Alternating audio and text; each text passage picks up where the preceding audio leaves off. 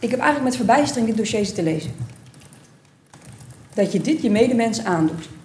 Ik vind dit echt misselijkmakend. Dat je een kwetsbare man op deze manier belazert, is respectloos en buiten alle grenzen.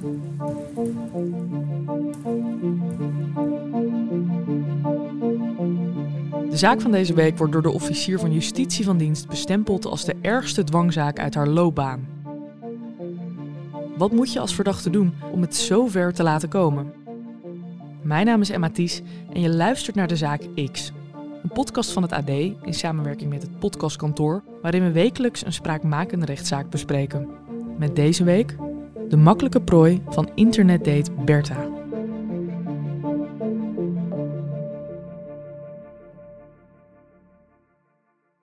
Deze zaak draait om uh, Danny, een dertiger uit Maren, een dove en slechtziende man. Je hoort verslaggever Art Schouten van het AD Utrecht Nieuwsblad. Hij volgt deze zaak, die draait om een slechthorende, slechtziende en ook nog eens verstandelijk beperkte man.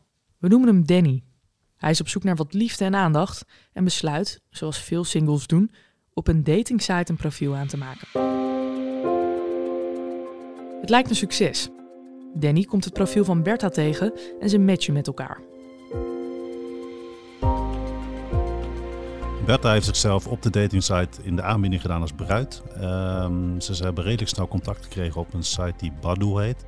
En uh, ze zijn al snel overgeschakeld op videobellen. Toen hebben ze wel wat heen en weer te praten, maar daar kon wel wat. Ze hadden snel een klik. Uh, althans, dat zei Bertha. Die vond hem leuk en uh, wilde wel afspreken. Um, dat kon het beste gebeuren bij hem thuis. Dus uh, Danny uh, had zich netjes aangekleed en was klaar voor zijn date. En uh, toen is zij naar zijn huis gegaan. En waar hij dacht dat hij begon aan een avondje voor knuffelen en kennismaken, liep het compleet anders. Een toevallig slachtoffer zal het niet zijn, want ze was wel duidelijk op zoek naar een slachtoffer volgens de openbaar aanklager. Aan het begin van de zittingsdag vat de rechter de zaak samen. En op een gegeven moment zegt hij, ja, ik deed de deur open en daar stond een vrouw. Ze is niet binnen geweest, ze zei, kom naar de auto en we zijn naar de auto gelopen. Daar zaten twee andere mensen in de auto. Uh, hij pakte eigenlijk meteen zijn bankpas, waardoor uh, Danny in een hele afhankelijke positie, positie zat. Uh, zij eiste min of meer dat hij meeging gelijk.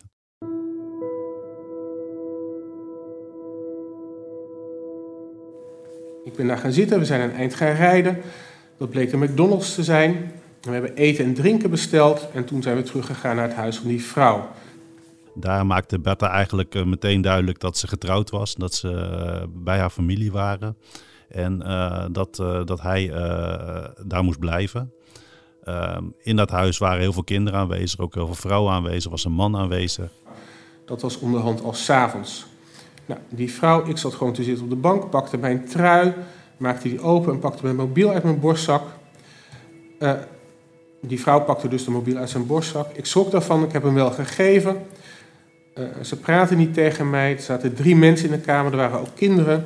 Het was erg druk en het duurde een hele tijd. Uh, Danny hoorde eigenlijk, omdat hij uh, doof, doof is en ook slechtziend is, hoorde en zag eigenlijk niet zoveel. Wel dat ze constant zijn naam noemden en dat ze aan bellen waren met verzekeringsmaatschappijen, telefoonmaatschappijen, met een scooterfirma. Omdat ze allerlei dingen wilden bestellen en afsluiten op zijn naam. Ja, als je dat vanuit de verdachte bekijkt, is hij het ideale slachtoffer. Hij kon eigenlijk niet zoveel. Hij kon uh, amper iets horen, hij kon amper iets zien. En toen kwam de man van de vrouw naar me toe en zei: Kom, we gaan. En ik ben toen met de man van de vrouw in een auto gestapt en naar de bank gegaan. Ik moest met ze naar de pinautomaat bij de Rabobank.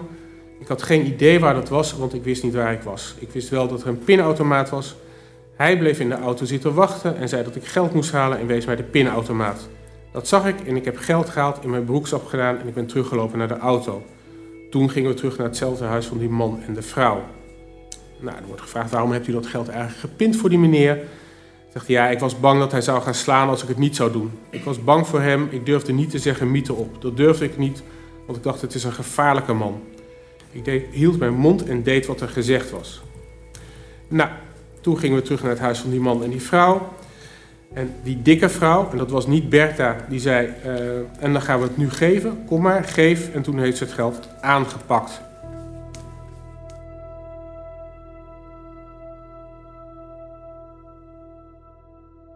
Er wordt gebruik gemaakt van Danny's identiteit en bankrekening door een familie wiens naam bekend blijkt te zijn bij justitie.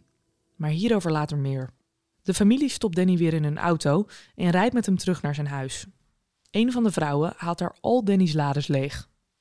Zijn ID-kaart, bankpas, salarisstroken en rekeningafschriften worden in een tasje meegenomen. Terwijl ze Danny thuis vasthouden, boeken ze geld van zijn spaarrekening naar zijn betaalrekening over om te kunnen pinnen en laten ze hem documenten tekenen die hij niet kan lezen. Hiermee worden onder andere telefoonabonnementen en een lening voor een scooter afgesloten. De officier van justitie laat zich hier stevig over uit tijdens de zitting. Het kan niet anders dan dat voor verdachten volstrekt helder moet zijn geweest dat ze te maken hadden met een zeer beperkte man. Het slachtoffer is opzettelijk in totaal hulpeloze toestand gebracht, namelijk zonder dat hij zich behoorlijk verstaanbaar kon maken, zonder dat hij contact met anderen kon zoeken, in een andere woning. De familie is nog niet klaar met Danny en ze melden hem ziek op zijn werk. Zo kunnen ze hem nog een nacht bij zich houden. Ze hebben de volgende dag namelijk nog meer plannen met hem. Zelfs in de nachtelijke uren um, ging de rest van de familie ging boven slapen en hij lag beneden op de bank en uh, wist eigenlijk niet zo goed wat hij moest doen. En het liefst wilde hij vluchten, maar goed, hij kan geen kant op, want hij heeft gewoon hulp nodig om, uh, om, te, om, uh, om zichzelf te verplaatsen. Op een gegeven moment is hij wel naar de wc gegaan, heeft hij wel even aan de deur gevoeld van kan ik eruit? Nou, toen merkte hij eigenlijk dat alles op slot zat. Dus je kunt je voorstellen dat, dat hij enorme angstige uren heeft doorgemaakt. Het is ochtend geworden en toen zijn ze eigenlijk uh, vrijwel meteen uh, naar de mediamarkt gegaan om een uh, contract af te sluiten, zogenaamd op naam van zijn dochter Maria. Nou, was een redelijk alerte medewerker van de mediamarkt die een onderbuikgevoel had van ja, dit vertrouw ik niet helemaal. Er komen twee mensen en die proberen, gaan hier een telefoonabonnement afsluiten zonder dat die dochter erbij is. Dus Danny werd eigenlijk meegenomen naar de mediamarkt door deze familie. Moest doen alsof hij voor zijn dochter een contract afsloot.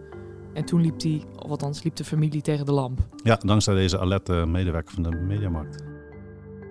De medewerker heeft een verklaring afgegeven bij de politie. De officier van justitie leest de verklaring voor. Toen ik de klant had geholpen, liepen de twee mannen naar mijn balie toe. Ik zag dat een van de mannen doofstom was. Ik zag dat omdat deze man twee gehoorapparaten droeg, waarbij beide waren verbonden met een sticker die ieder apart aan een zijde op de zijkant van het hoofd was geplakt of bevestigd. Ik zag dat deze man ook een bril droeg met opvallend dikke glazen. Het is voor mij aannemelijk dat deze man ook slechtziend was. Ik kreeg de indruk dat man 1 niet begreep wat er gebeurde. Dus hij vroeg heel, heel slim van, uh, ja, mag ik die dochter aan de telefoon hebben? De medewerker krijgt een nummer van een van de mannen aan zijn balie en belt de zogenaamde dochter Maria op. Maar hij krijgt een snauwende Bertha aan de lijn. Reageert Maria fel door te zeggen, het is mijn vader hoor vertelde dat het het e-mailadres moest zijn op naam van de aanvrager. En toen noemde zij een e-mailadres. Nou, deze meneer vertrouwt het niet helemaal. Die uh, gaat naar achter, die gaat overleggen met een beveiliger. Die beveiliger belt de politie. De politie komt ter plaatse en de politie gaat een beetje zoeken in de systemen en constateert dat uh, meneer helemaal geen dochter heeft. Terwijl de winkelmedewerker dus zogenaamd net met zijn dochter gesproken zou hebben. Dan nemen ze contact op met de broer van meneer. En die zegt dat uh, zijn broer inderdaad uh, uh, doofstom is, slechtziend, ook minder begaafd. en dat er in het verleden wel vaker misbruik van hem is gemaakt. Toen heeft deze man dus duidelijk kunnen maken aan de agenten wat hem precies is overkomen. Of had hij het eigenlijk niet helemaal door? Jawel, hij had het donders goed door. Alleen ja, hij kon geen kant op. Hij was gewoon in de klauwen van deze familie beland. En hij wees uh, de politie erop dat in de parkeergarage twee uh, metgezellen zaten te wachten. Een man en een vrouw. En ja, toen de politie bij die auto kwam, uh, waren ze echt stom verbaasd. Want in die auto die lag helemaal vol met allerlei contracten, met bankgegevens van Danny. Alles eigenlijk wat ze nodig hadden om met zijn gegevens aan de haal te gaan. De politie neemt de mannen direct mee naar het politiebureau voor verhoor. Daar beweert de man die met Danny in de mediamarkt staat dat hij er eigenlijk niks mee te maken heeft. Nee.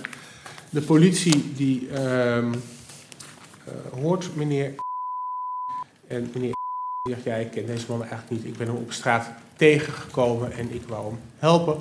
En meneer die zegt ja ik was daar, ik liep daar en verder wil ik eigenlijk niet zo heel veel verklaren. Ja, mentaal heeft deze man natuurlijk een enorme opdonder gekregen. Je bent ook een mens van vlees en bloed. Je zit daar ook in de rechtbank, ondanks dat je natuurlijk objectief probeert te zijn. Uh, doet het denk ik wel iets met je ja, dat als je dit aanhoort en uh, Je hoort wat iemand die heel afhankelijk en weerloos is overkomt en die eigenlijk geen kant op kan. En dat mensen in staat zijn om, om zo misbruik te maken van iemand in een kwetsbare positie, dat, ja, dat haalt eigenlijk bloed onder je nagels vandaan.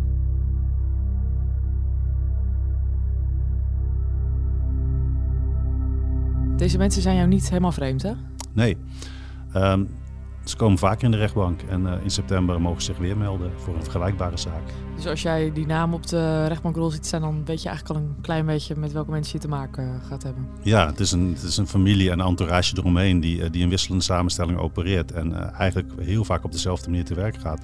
En eigenlijk maken ze onderdeel uit van een familie ehm, die heel erg bekend is als, als oplichtersbende en in wisselende samenstellingen steeds weerloze slachtoffers zoekt en, uh, en dan financieel uitkleed. En uh, uh, ze, ze, wonen over heel Europa, dan weer in België, dan weer in Nederland, dan weer in Duitsland.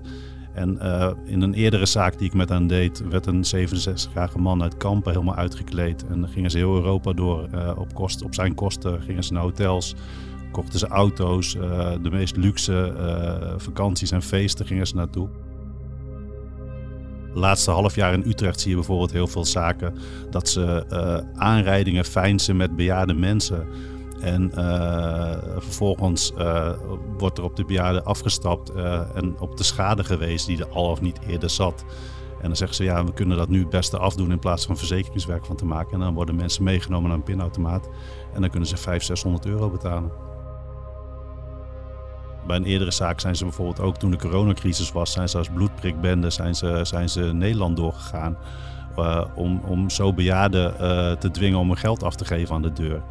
En ja, dat zijn, uh, dat zijn mensen die dan heel kwetsbaar zijn op het moment dat er een coronacrisis, coronacrisis is. Niet, niet zo goed weten wat er aan de hand is. En eigenlijk heel snel meegaan met het verhaal van een zuster die aan de deur komt.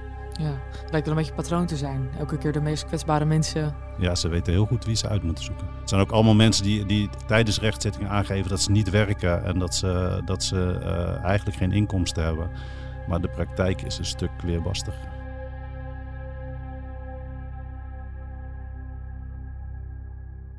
De luisteraar vraagt zich misschien af waarom zitten deze mensen niet vast? Ze zitten ook heel vaak vast. In, uh, ook uh, dan weer die, dan weer die. En dan uh, zorgen de anderen voor de kleine kinderen, want die, die, zijn er heel veel.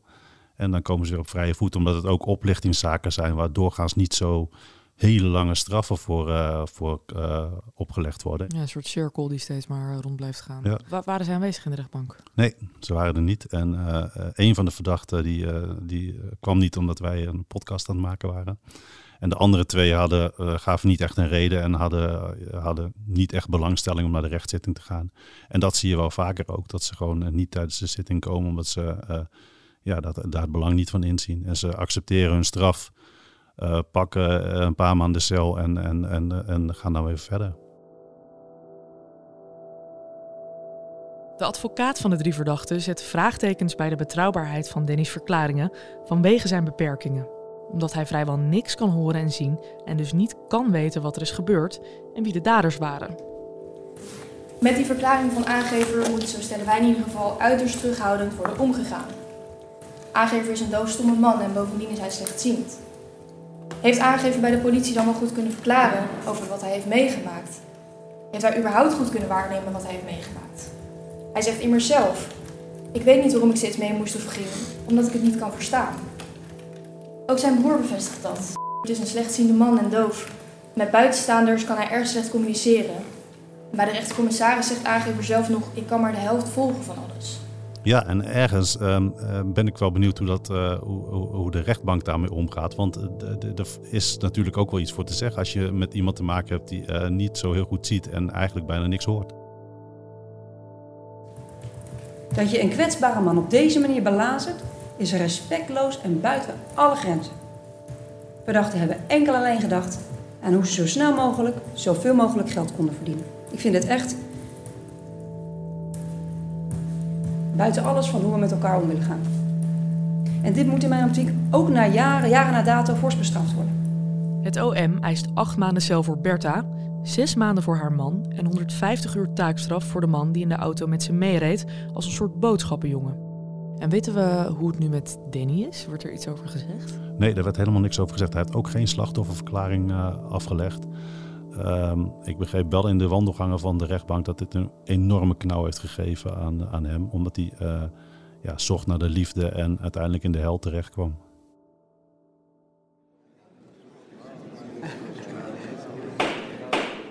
De rechtbank van Utrecht doet twee weken na de zitting uitspraak in deze zaak. Bertha en haar man worden veroordeeld voor dwang en diefstal in vereniging. Hiervoor krijgen ze allebei acht maanden gevangenisstraf. De derde verdachte, de boodschappenjongen, krijgt 150 uur taakstraf. Je denkt dan achteraf nog een beetje na over zo'n zaak. Wat voor, wat voor gevoel heb je hierbij? Denny. De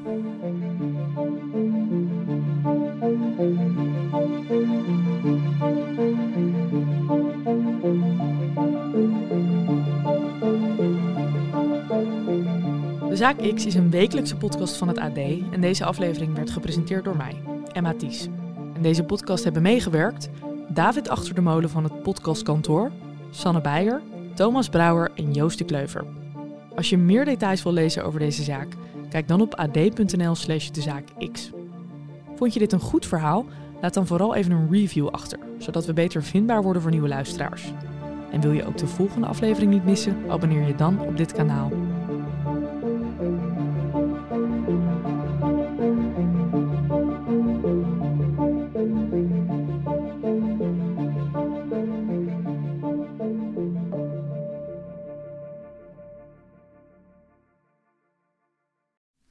Dan hoor je in één keer: Hanno is zoek. Maar je kan niet nergens zijn. Niet levend of dood. Is die vrijwillig weggegaan? Is die gedwongen? Of, of, of wat ook maar. Zou die gewoon ontvoerd zijn? Mijn naam is Iris van den Boom. En samen met Ditya Kabba ga ik op zoek naar wat er is gebeurd met Hanno. Een doodgewone vader die van de een op de andere dag spoorloos verdween. Hè? Hanno? Hoe dan? Waarom dan? Open Eind, een podcast van het AD. Vanaf 27 mei te beluisteren via je favoriete podcast-app en ad.nl/podcast.